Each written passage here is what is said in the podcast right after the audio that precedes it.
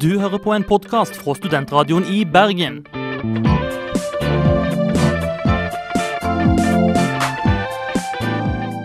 Denne og mange andre flotte podkaster finner du på podkast.srib.no.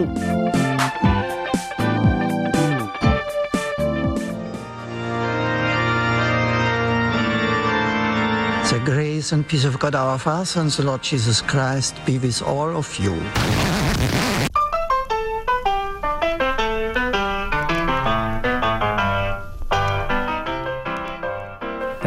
Gode, gamle ragtime-klassikeren The Entertainer av Shoplin. Choplin. Og vet dere hva? I dag er det standup.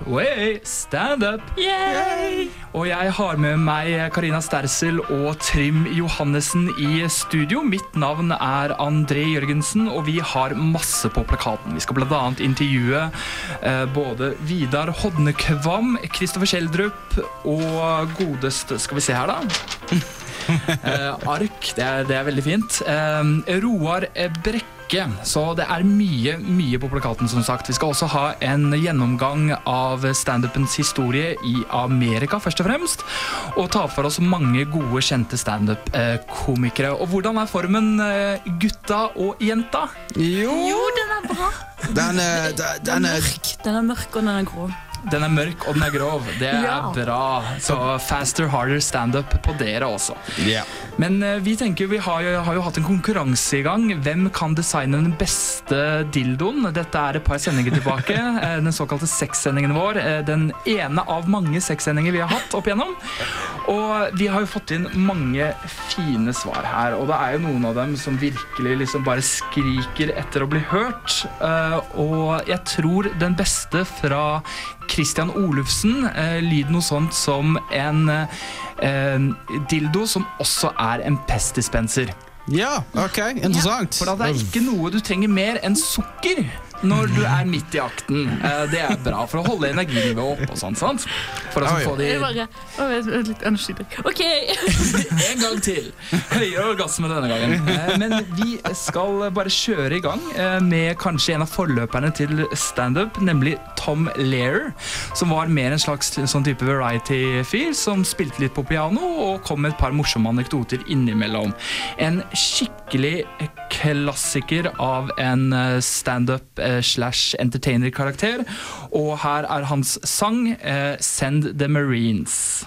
In these difficult times, uh, as we sit helplessly by and watch the world slip slowly down around our ankles, it's, uh, it's comforting to realize that no matter how great the crisis, the United States always has its ultimate instrument of diplomacy to rely on, and that is the United States Marines. Yeah, there are 400,000 words in the English language, and there are seven of them you can't say on television. You know the seven, don't you, that you can't say on television? Shit, piss, fuck, cunt, cocksucker, motherfucker, and tits, huh? Banor er best på radio. Hør på Vatikanet. Din kuk!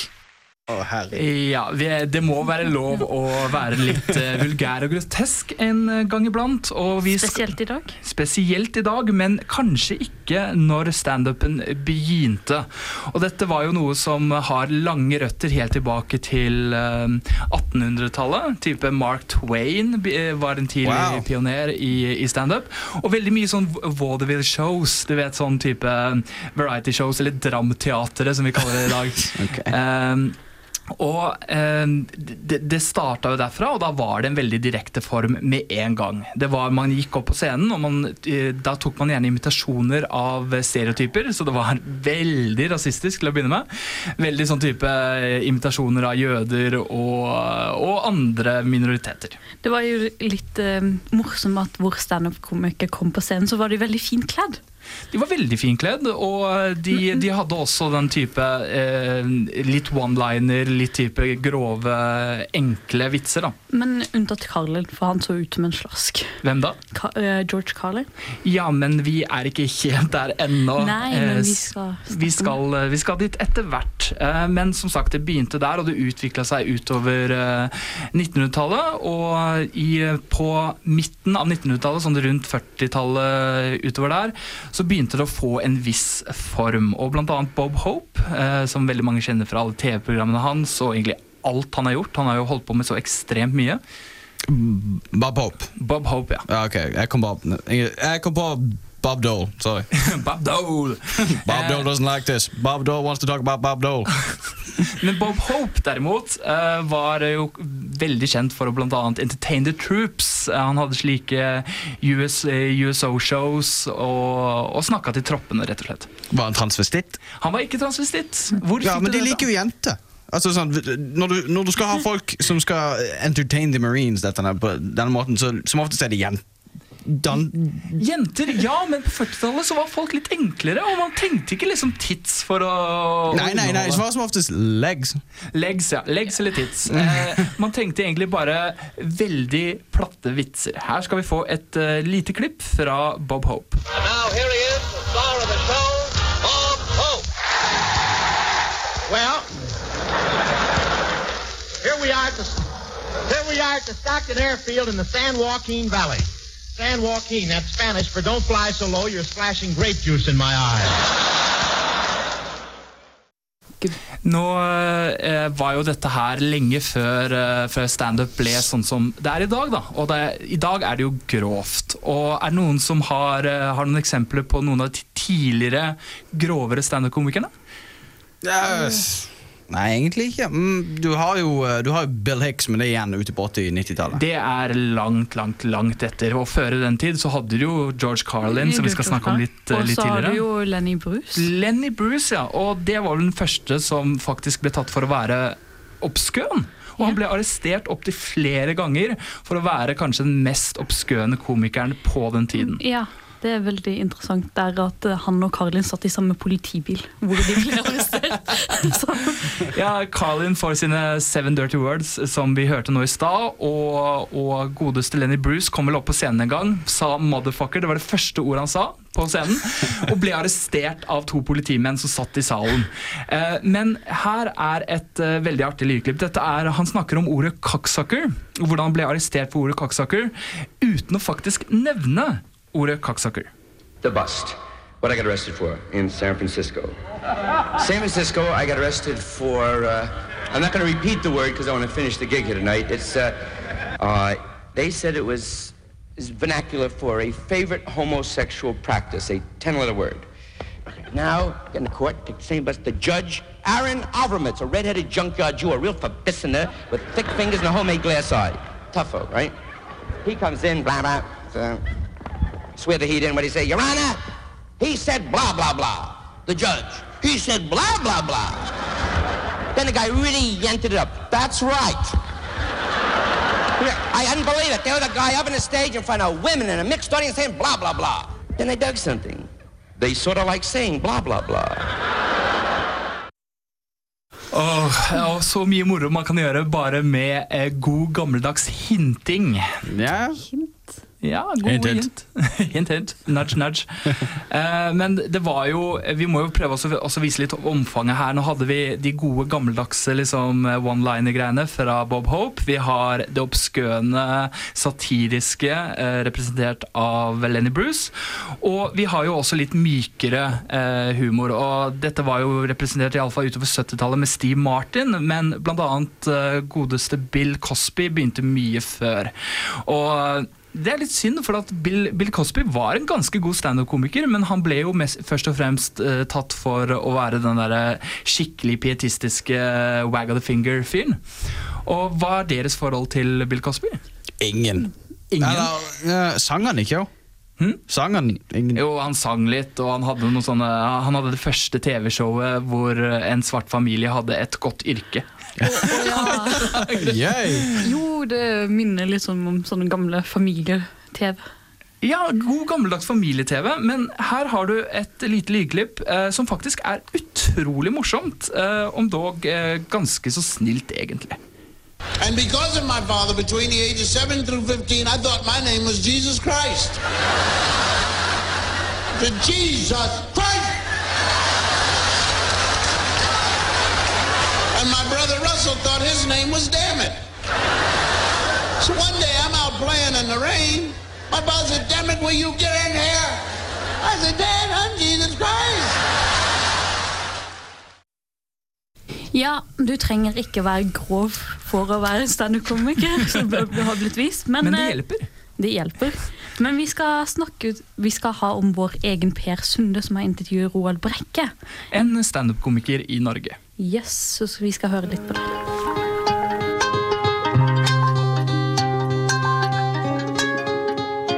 Roar Brekke er en av Norges mange standup-komikere. Standup er en nådeløs bransje hvor du alltid må være morsom og få folk til å le. Dette er ikke en lett jobb. Det vet jeg fra personlig erfaring. Å gå opp på en scene foran hundrevis av mennesker, en tøff oppgave som de færreste tør å ta på seg. Men Roar Brekke har tydeligvis motet, potensialet og ikke minst humoren på plass. Han har jobbet med standup siden 1997 og er derfor en av de eldre i bransjen her i Norge. Som mange av oss andre var hans mor ikke alltid like støttende i hans karrierevalg. Hans mor syntes ikke at det var morsomt når han sa at han ville bli en standup-komiker. Men det er en jobb som gir litt mer tilbake enn det vanlige. I alle fall for Roar Brekke. Og vi i Vatikanet fikk snappet han opp i hans travle og humorøse hverdag for et intervju. Ifølge min eh, mor så var det jo lenge en håpløs uh, yrkesvalg. Uh, det blir sånn at det blir til, veien blir til mens det går. Du begynner å gjøre det som en liten hobby, og så ser du at dette her er kjempegøy, og så ser du at du får det til å fungere, og så etter hvert så ser du at eh, oi, det går faktisk an å, å leve av dette her. Det er jo en, eh, for å si det sånn, det er ikke så mange yrker der du kan gå på jobb, og så jobber du en halvtime, og så er du ferdig for dagen. eh, Og du, i tillegg så får du applaus når du er ferdig med arbeidsdagen din. Det er jo i, seg sjøl en, fin eh, en fin pluss da, å ha en jobb som er sånn. Det finnes jo mange jobber, og det er jo atskillig mer jobb og slit enn det å være standup-komiker, men der du veldig sjelden får hverken applaus eller noe annet før du får eventuelt ei gullklokke når du holder på i 25 år.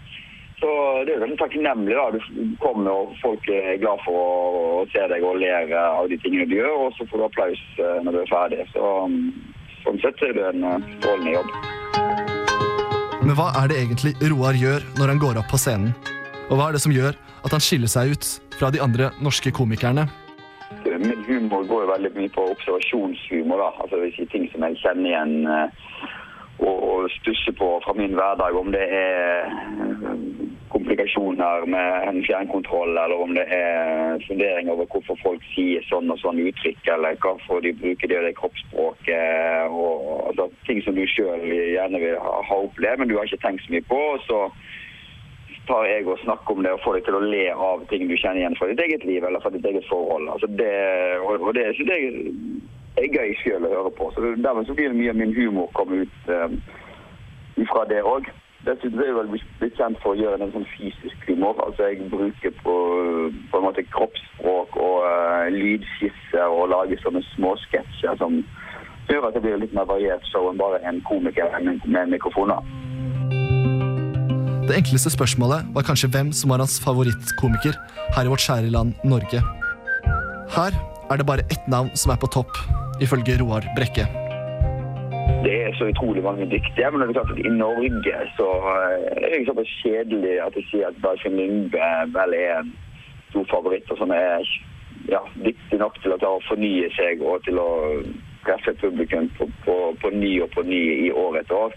Så um, han er jo nok kanskje den største eneren innenfor standup i Norge, i hvert fall. Hvis du er en standup-komiker i Norge eller har lyst til å bli en, hva er det egentlig man må gjøre for å slå igjennom som en standup-komiker her i Norge? Er det nok å bare være morsom? Ja, For å klare å leve av det i Norge, så trenger du ikke nødvendigvis å bli eh, kjempekjent. Altså, For å være ærlig på det, så tror jeg nok eh, du skal ikke så langt utenfor Bergens grenser. Og også i Bergen så er det mange som ikke vet hvem jeg er, men jeg lever jo godt av standup fordi jeg har, gjør gode jobber og, og får dermed spørsmål om de jobber. og Standup er noe som betaler seg ganske greit, fordi det er én mann og en mikrofon. sånn at eh, du trenger ikke så fryktelig mange jobber i måneden og også for å kunne leve av det. Men for å kunne slå igjennom, så trenger du vel for det første så trenger du stå-på-vilje og ikke gi deg selv om du får en, en dårlig respons en, en kveld eller to. Og så trenger du eh, å kanskje ha en, en liten sånn spesiell særegenhet ved deg som gjør at du skiller litt ut. At du har noe som gjør at folk husker deg. Så som Jonas Rønning har megafonen sin, og Dagfinn Lyngbø har disse her pussige bevegelsene og måten å framføre tingene på. Så, må du ha noe, et eller annet it-faktor som gjør at du skiller deg ut ifra de ti andre. Så der har du det. Har du det som trengs for å slå igjennom? Vel, det er ikke noen annen måte å finne ut av det på enn å prøve og feile. Finn motet og gå opp på scenen, og hvis du er heldig, kan kanskje drømmen din også bli en virkelighet.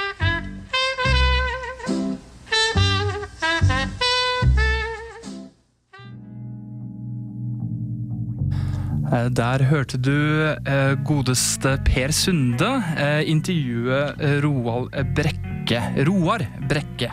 Og nå får du Royal Baths med Faster Harder. We share a wicked world. Du hørte Royal Baths med Faster Harder. Og det passet egentlig Ganske godt. ganske bra, fordi vi skal nå ha om Faster Harder kamp... Vatikanets ord og uttrykk. Denne uken dendrofili. Sevjen flyter og stammen er hard. På tide med kos. Treehuggers. Treehuggers. Happy tree friends. Very, very, very happy tree friends. It's all sticky. It's a threesome. Eh, så dere prøver å overbevise meg hvor bra det er å ha sex med trær? Ja. ja. Helvete. I've got roots going down to the water. Og eh, som eh, Trym dessverre ikke fikk sagt helt ferdig, vi skal ha om faster, harder standup. Damn you, editing man. I know. I got controls, controls. ja, men eh, som sagt så skal vi ha om Faster Harder Comedy, og det var det som skjedde på 70-tallet. da Ja, 60-70-tallet. 60 ja. okay, ja. ok Og der har, vi, har meg og Karin i hvert fall lest dere litt mer opp på. Ja, så uh, nå skal jeg bare lene meg fint tilbake, og så skal dere få lov til å prate gjennom stykket. Dette blir deilig. Det er vi som har kontrollen her. Dere har kontrollen her nå. Og eh, Vi kan jo egentlig bare begynne med deg, Trym. Du har lest deg litt på Richard Pryor, og han er jo nesten helt i toppsjiktet på de absolutt beste standup-komikerne. Han er det. Han er det, og han, han regnes ennå som det, og han inspirerte veldig mye uh, av ko- eh, komedien vi ser i dag, altså standupen. Uh, og han var en av de første uh, svarte standup-komikere som i hvert fall slo igjennom. Som slo igjennom, som faktisk slo igjennom for det hvitt publikum, er det viktig å, å understreke her. Og Hva var det som, uh, hva var særskilt med hans type humor? Ja, Han var veldig personlig uh, og brukte mye av sin oppvekst og var egentlig ganske, ganske vulgær i måten han prater på. Og det var egentlig og, Er det liksom et produkt av tida? Det kan godt være, men uh, i alle fall, det slo i alle fall gjennom uh, til hvite publikum. Ja, det var, det var en humor som på en måte kunne være ganske sår, men på den andre siden så kunne det også være veldig, veldig hardt. da. Og eh, jeg, jeg, jeg lurer jo litt på uh, hvordan var fyren som person? Ja, han var brukte, eh, han, var, han brukte dop. Han var ganske glad i eh, heroin og lignende. Eh, crack, uh, cocaine. Eh, og slo kona si. Ja, Det er ikke spesielt hyggelig. Men han var glad i dyr. Ja, men han var glad i dyr, ja, men da er det greit. Det er greit. Eh, En dyrevenn, men en, eh, en konefiende. Men vi skal, vi skal høre et uh, veldig raskt lite lydklipp, uh, og kanskje du da forstår uh, geniet bla- bak Richard Pryor. Feelings are a hard fucking thing to deal with. And women, you love when a motherfucker be in love with you because you can be some nasty bitches. when the mother, darling, please don't let me just give me the... Oh, God, are you calling again? God, Richard, please, just don't do this to yourself. I mean, why, why don't you go home and bathe or something like that? Just- Just a minute, John. Og ja, jeg, jeg ser jo hvorfor denne fyren her var morsom. Det er jo litt sånn synd når du får vite ting liksom bak til curtain. Ja, ja, ja, Eh, det- Men vi må jo nesten nevne det likevel. Det er jo liksom, Veldig mange gode skuespillere er drittsekker i virkeligheten, og det samme med komikere. Jeg lurte på, Hadde han et eh, sånn kompleks med moren sin? eller? Sannsynligvis et eller annet. Sannsynligvis et eller annet. Um, Det virker veldig sannsynlig. men i alle fall, eh, han, har hatt mye, han hadde mye helseproblemer òg, da. Eh, han, eh, han Døde vel av kreft, gjorde han ikke kreft, Jo, kreft. Eh, og så hadde han hjerteinfarkt. Ja, men det var jo um, hjerteinfarkt. Da snakker vi om eh, George Carlin. Ja, ja, jo. Tre ganger ikke dø. Fjerde gangen, da skjer det. Hadde ikke de en sånn greie seg imellom òg? Richard Pryor Jo, og jo, George. Carlin? jo, jo. Uh, George Carlin vant pga. han hadde flest og overlevde de fleste. Så han vant de, som han kalte det i biografien sin, uh, Heart Attack 5000. Men du har jo tatt for deg George Carlin, og hva, hva, hva kjennetegner George Carlin? Han er veldig provoserende. Egentlig, veldig Sammen med uh, Richard Pryor så var han veldig provoserende i måten han gjorde ting.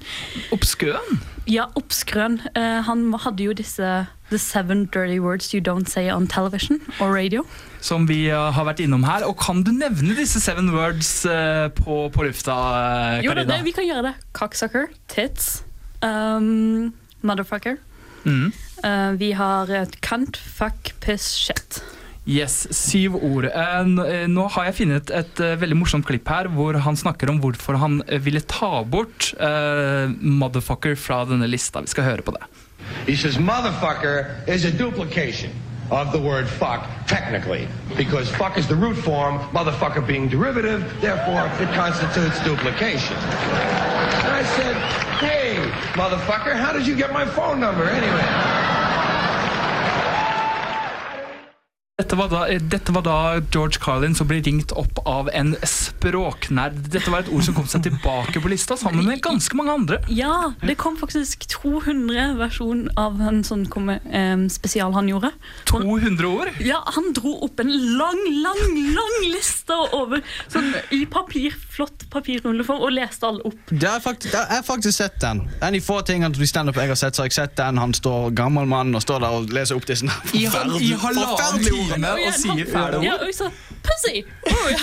Og så er det veldig morsomt hvor han skal nevne historien. Sånn, du hører jo ikke noen si uh, det som er forferdelig å si ammonia. Typografi! Eh, men de, dette var jo eh, en eh, Det var en stor gjeng. Vi, nå har vi bare nevnt to, som, to komikere av et hav med gullkorn. Kan vi nevne et par andre helt på tampen? Bill Hicks. Bill Hicks. eh, Det er veldig kjent. Eh, Veldig, veldig veldig kjent. Eh, andre? Um, det var jo Lenny Bruce som vi snakket om Ja, tidligere. Eddie Murphy. Jo. Eddie Murphy, selvfølgelig. Og så har du sånne andre noen, Det er jo ikke alle fra Saturday Night Live som klarte det på Nei, den måten. men Steve Martin gjorde det, Ja, og det jo. Steven Wright er jo en veldig god komiker som begynte som, sånn cirka samme tid. Det er veldig morsomt at Carlin var faktisk i den første personen av Saturday Night Live. så var Carlin med. Oi. Yes, mm, for de tok jo opp veldig mange standup-komikere. Yeah. Eh, men vi har ikke tid til å bare name-droppe ting her, så alle som ikke har blitt nevnt, ikke føl eh, at dette gjør vondt inni sjela. Dette er et lite radioprogram i Bergen, så jeg håper ikke dere Det, det er eh, alle komikerne som ikke kommer på listen vår. Yeah. Ja. Dessverre, dessverre så er de fleste døde. We salute you We uansett. salute you. The ghost of everybody. Yeah. Eh, her får vi en sang som jeg egentlig har bare tatt med fordi at jeg liker den sangen. Her får du Tom Waits med I Hope I Don't Fall In Love With You. Ikke noe med standup-komi å gjøre, men sabla god låt.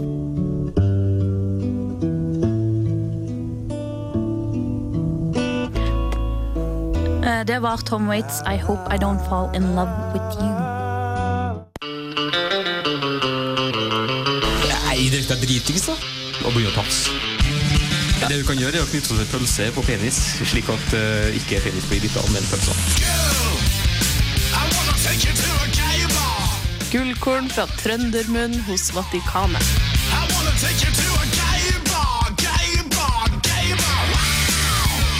Nei, bare Meld seg frivillig, skur, eh, skur eh, dek dekket og og bli med og voldta litt.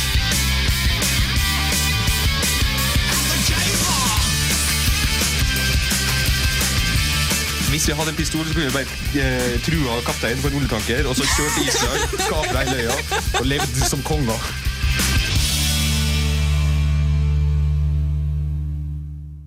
Der hørte du Erling Thorvaldsen sin stemme, den beste standup-komikeren i Vatikanet, vil jeg tro.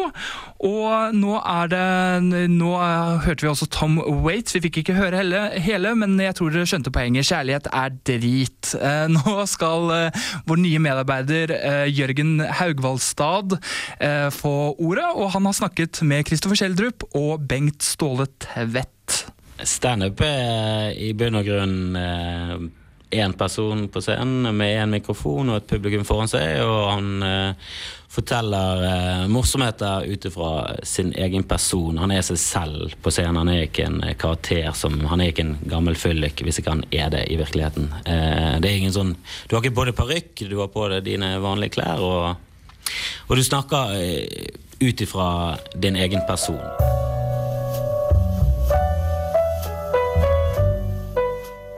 Der hørte du Kristoffer Schjelderup forklare hva standup er.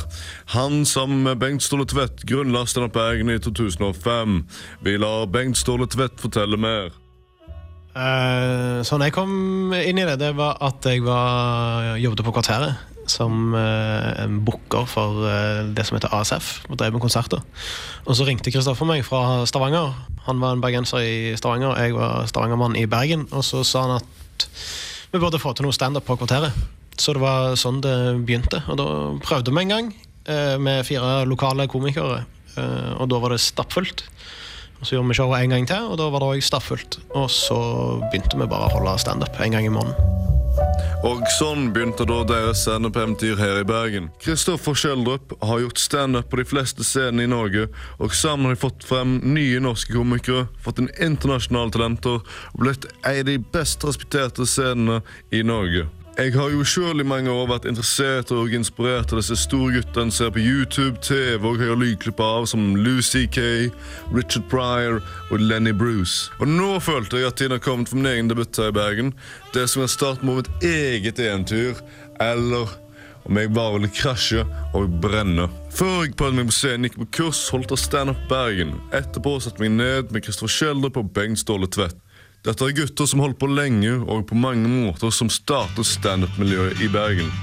Eh, nei, altså når vi startet, så var det ikke noe særlig muligheter til å, å stå på scenen. Så vi måtte bare skape, skape et miljø selv. Nå er jo miljøet skapt, så nå er det litt annerledes enn når vi startet. Eh, Men det er mye bedre nå. Nå er det egentlig fått en helt ny giv i norsk standup siden vi startet opp. At det har poppet opp litt flere klubber rundt omkring. Og, og mange av de følger vår måte å tenke på. da, At du, du booker inn en headliner som kan garantere for at det skal bli valuta for pengene, og så eh, prøver du å pushe nye folk frem, så de kan bli bedre, sånn at de til slutt kan bli headliner. Så du får en sånn du skaper nye komikere og et nytt miljø. Det var det vår tankegang var. Og det syns jeg vi har klart ganske fint.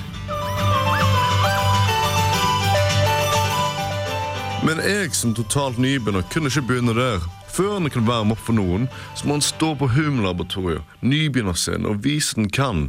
Men før jeg løper på scenen, så måtte jeg vite litt mer. Hva har jeg lov til? Er det en grense? Må han ha en gimmick?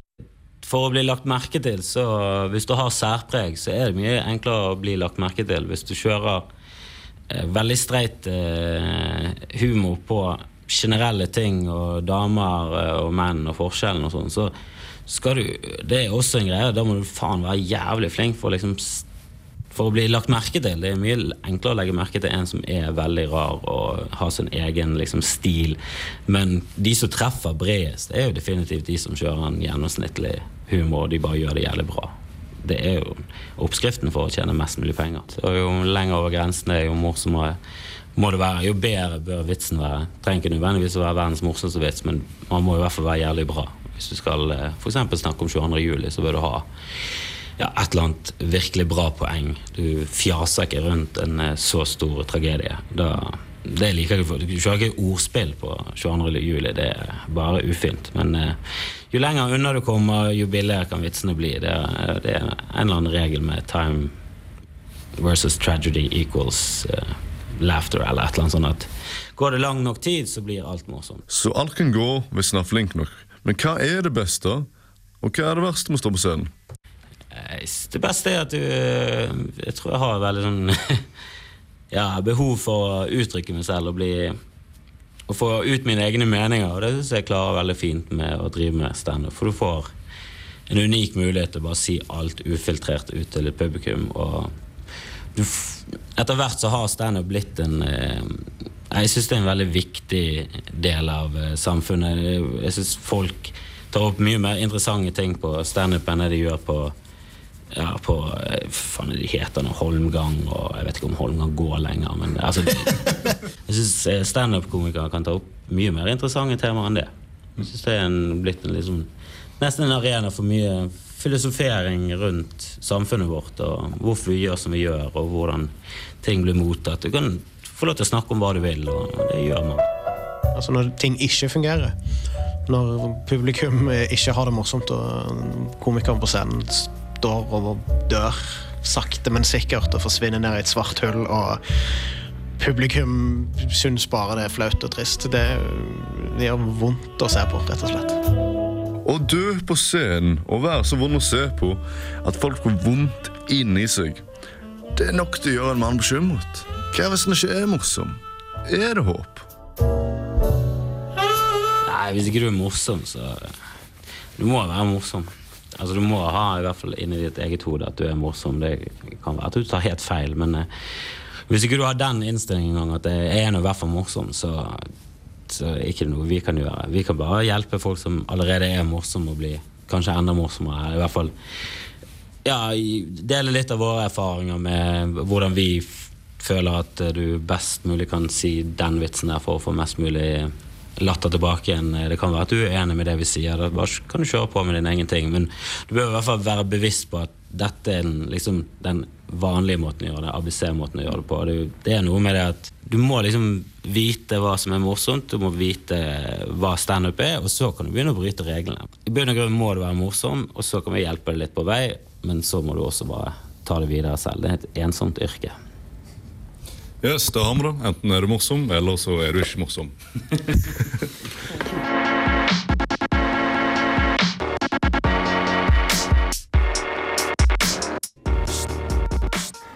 Ukas låt her på Studentradioen Bergen, Active Child med Johnny Belinda.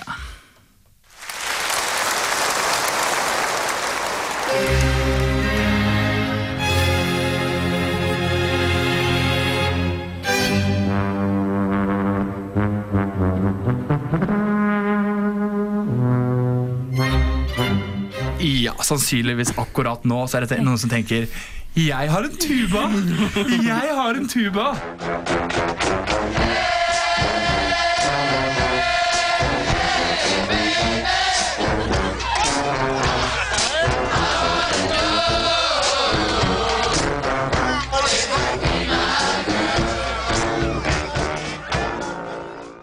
Og føre den tubasoloen, tuba-soloen så hørte du eh, godeste Jørgen Haugsvoldstad. Jeg har sikkert nevnt det navnet tre ganger feil allerede denne sendingen her. eh, som intervjuet eh, Kristoffer Schjelderup og eh, Bengt eh, Ståle Tvedt. Vi har fått eh, Kristoffer Schjelderup eh, i eh, studio her. Hei, hei. Hei på deg også. Og eh, vi tenkte sånn, I dette intervjuet så nevner du litt om eh, grenser. Hvor, hvor grov kan man egentlig være? Og jeg lurer på eh, Kjenner du til eh, The Aristocrats? Ja, det gjør jeg. Kan eh, du eh, fortelle våre lyttere, som eh, kanskje ikke vet hva Aristocrats er? Ja, det er jo eh, en dokumentarfilm om et fenomen i USA som skjedde mye backstage og, og lignende før eh, folk gikk på scenen. Så, så er liksom eh, premisset er at en mann kommer inn på et kontor til en manager skal prøve å pitche et show til han som er et familieshow, der han har ja, det, du kan uh, ha så mange familiemedlemmer du egentlig vil. Uh, du helst en kone og noen barn og noen besteforeldre, og så er det bare pedofili og incest og avføring og ja, alt det, det mest grusomme du kan komme på, blande inn litt holocaust. Og, men det er sånn du forteller til andre komikere i to-tre minutter, bare for å jeg tror det er for å aktivisere hjernen, få den i gang, litt som en oppvarmingsøvelse, samtidig så greier å få ut mye eh, ting som du helst bør få ut før du kommer på en scene. Har man en slags sånn type oppvarmingsøkt eh, i Norge? Er det noe lignende? Nei, dessverre ikke. Vi har et ganske ungt miljø, så vi har ikke fått eh, skikkelig tradisjoner eh, på sånne ting ennå. Veldig mye tradisjoner at folk går rundt nervøst, og veldig mange går på do. det, men det tror jeg gjelder over hele verden. Fem tissepauser og litt spying? i mer enn andre tingen. Men ja, vi har jo en liten liste her eh, over eh, provoserende temaer. Og Kan du bare svare kort på hvorvidt man kan spøke med dette, Karina? Kan du spøke om Island? Ja. Okay. Det er bare til å si Allah istedenfor Gud, så er, det, så er det islam plutselig. Og hva om eh, 22. juli? Ja, men da må han være bra. Det nevnte vi i intervjuet. Men jeg lurer jo på en liten ting da, du nevnte jo det akkurat det intervjuet. Er, har du hørt en god 22. juli-vits? Eh, ja, det er en i Bergen som har eh, Altså Greien er at eh, med en gang du nevner 22. juli, så tror folk at det er en vits om 22. juli, eh, men det er som oftest om ting rundt 22. juli, som f.eks. det fenomenet at veldig mange gjorde om Facebook om til eh, Ja, han sier at det ser ut som en eh, hjemmeside til Vigrid, for alle hadde sånn norsk flagg. Og han syns det er veldig rart å, å bekjempe nasjonalisme med eh, med nasjonalisme, mer nasjonalisme, og det eh, reagerte jeg også på. eh, Det er litt sånn type Hva heter det? Homopati? Hvor eh, same cures same.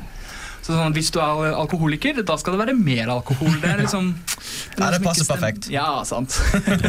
Og Da sier han også i den vitsen at det er en venn av ham som sier at du, du kan ikke spøke om 22. juli. Du kan bare ikke spøke om 22. juli. Og han svarer jo, jo, jeg kan spøke om 22. juli. Du kan ikke spøke om 22. juli. Jeg er jævlig flink til det.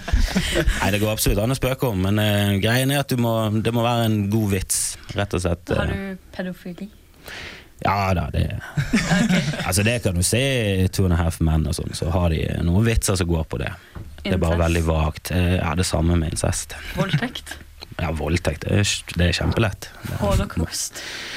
Ja, det er mange temaer som har, altså, Det er ikke mange temaer som har blitt vitset om så mye som holocaust, faktisk. Spesielt av jøder selv, men det kommer mer og mer av andre.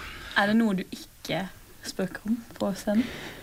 Ja, jeg spøker ikke så mye om eh, mitt Altså, Damen min pleier å Hvis jeg nevner hun på scenen, så er det som oftest en fiktiv dame. som heter, Jeg har en vits eh, Jeg sier at damen min har blitt gravid, eh, for i Norge får du alltid applaus på det.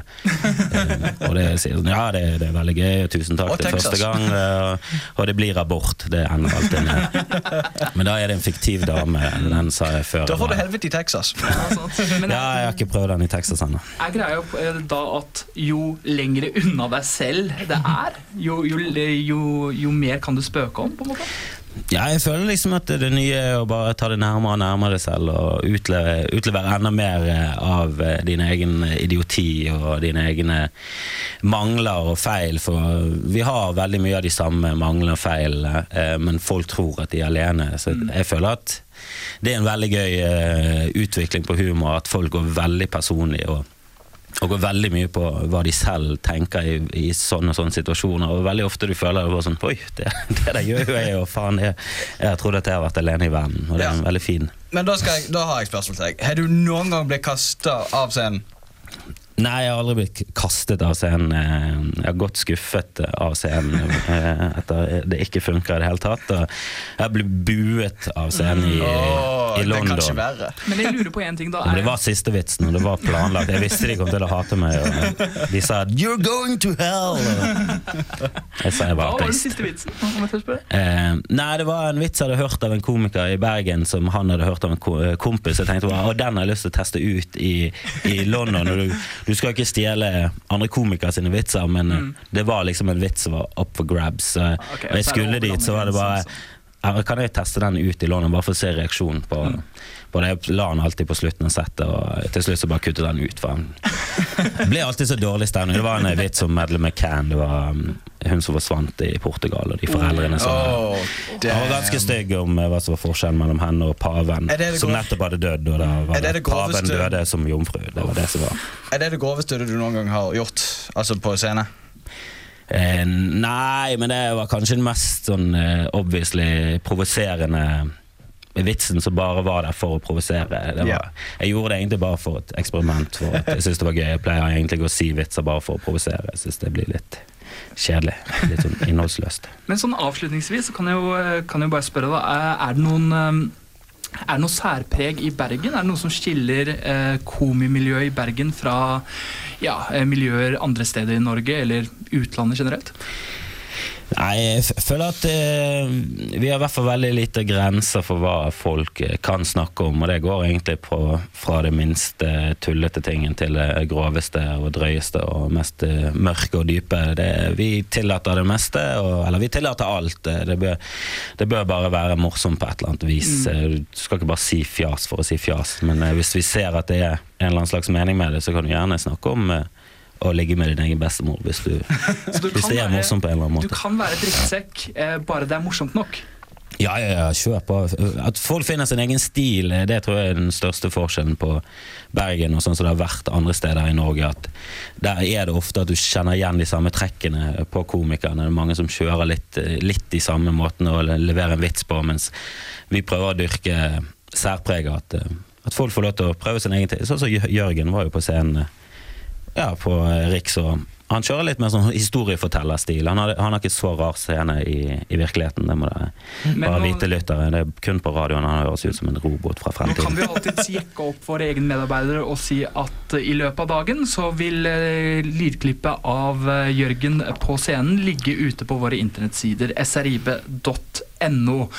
Og hvis du har lært noe av eh, dette intervjuet, så vil det være du kan være så mørk som eh, overhodet mulig. Her har du Dark Times med Shallow Breather.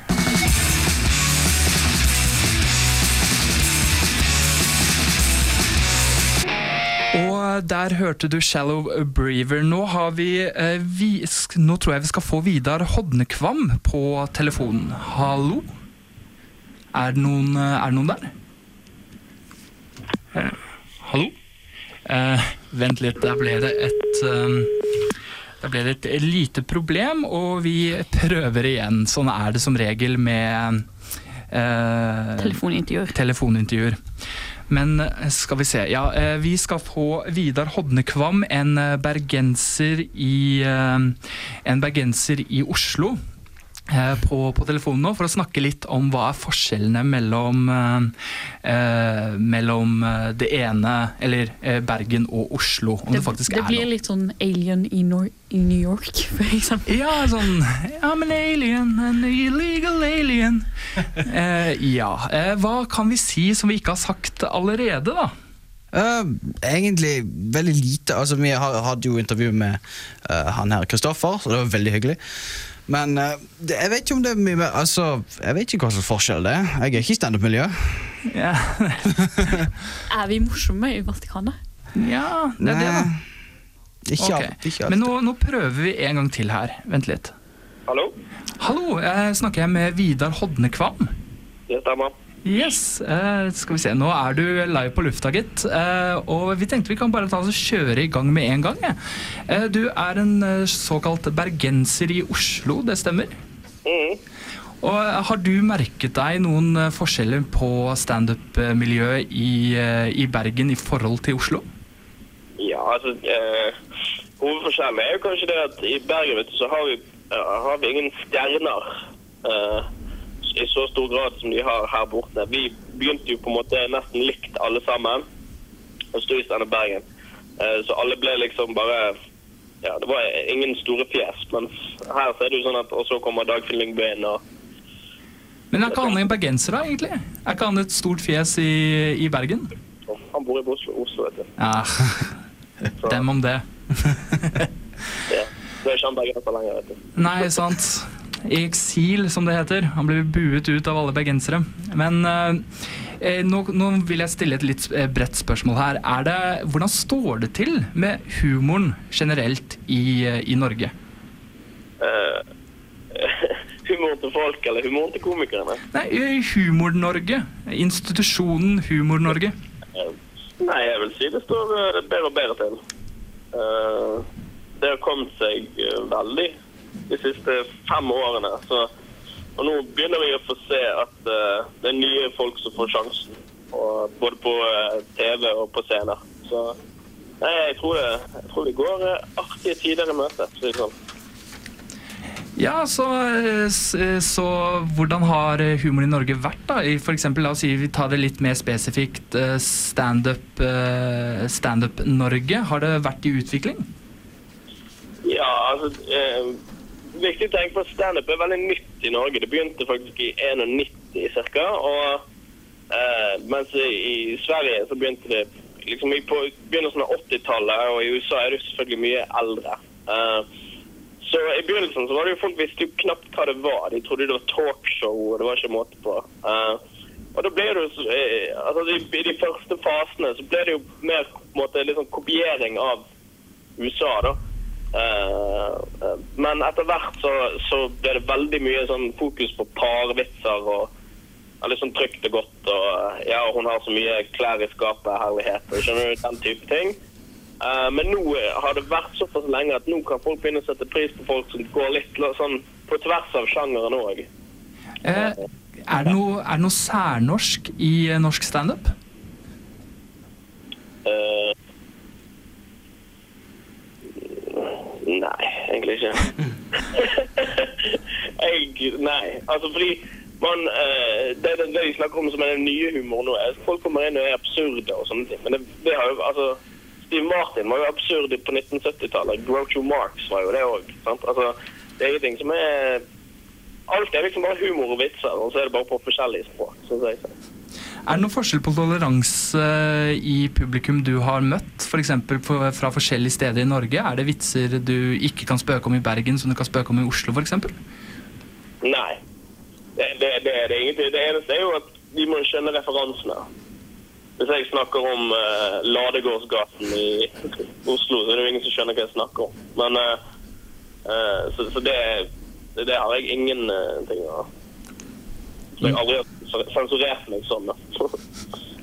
Eh, er, det noen, eh, er det noen vitser du, du føler eh, at du ikke kan si på scenen? Er det noe som du, du får prøver å, å på en måte verge deg litt mot? Nei, jeg Det jeg ikke har Jeg har ikke I Norge har jeg ikke snakket om Utøya på scenen. Men når jeg var, i, jeg, var i, jeg var i England og gjorde en jobb, og da når de, fikk, når de liksom hørte det, her er det en komiker fra Norge, det var ca. en måned etter det skjedde, uh, da var det eneste de tenkte på, var det. Uh, så da måtte jeg adressere det. da. Men, jeg, men det var av at da var jeg en utlending i et annet land. Men jeg, eh, her så ja, finner jeg ingen informasjon med det. Men det var med. Det går jo an. Det er jo folk som får det får til å lage eh, om den saken rundt, og det er jo det er mye rart, liksom. Men da skal du være veldig morsom, da. Nettopp. Ja. Hvis du er litt morsom, så er alt av. Eh, kan du huske noen tilfeller hvor du har bombet skikkelig? Har du annet blitt sparket av scenen noen gang? Nei, jeg ble aldri sparket av scenen, men jeg har eh, Jeg um, Jeg sto foran 150 stykker på Gilde når jeg hadde bare holdt på i fire måneder med en eh, boombox som ikke bærte lyden min, og sto der og svetta i 20 minutter uten at noen hørte hva jeg sa, og de bare ikke lo av en eneste Da begynte jeg å på om jeg hadde gjort rett karrierevalg. altså. Det har du, det har du sikkert. Eh, Men eh, nå må vi nesten eh, avslutte intervjuet. Vi fikk litt dårlig tid, dessverre. Men takk til deg, Vidar Hodnekvam, og lykke til med ditt neste show. Tusen takk for det. Ok, ha det bra. Ha det.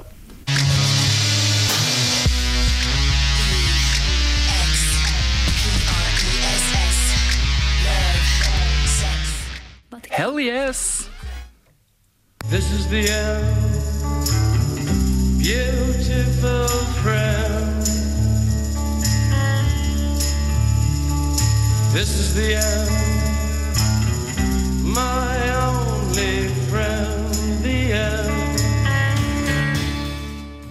Det ble litt hektisk eh, mot slutten, og Så vi skal ha en faster, harder avslutning fra Vatikanet. Ja, det blir det. Og eh, vi kan, jo, vi kan jo takke alle våre gjester i dag, både Kristoffer eh, eh, Kristoffer Schjelderup og godeste Vidar Hodnekvam. Og Ja. vi må jo bare si at dette har vært en Jørgen, ikke minst, og, vår produsent eh, Fredrik eh, Sagefors. Og Per Sunde. Per Sunde. Eh, Da er det vel egentlig ikke noe annet å gjøre enn å si farvel fra oss. Eh, Mitt navn har vært André Jørgensen. Jeg har vært. Deg først, deg først. Karina Starsø. Uh, jeg har vært Trym Johannessen. Og etter oss får du ordet på gaten. Yo, yo, yo. Er ikke på gata, da. På gaten. På gaten.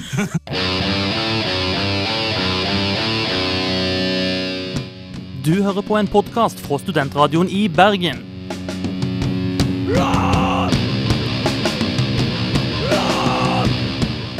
Denne og mange andre flotte podkaster finner du på podkast.srib.no.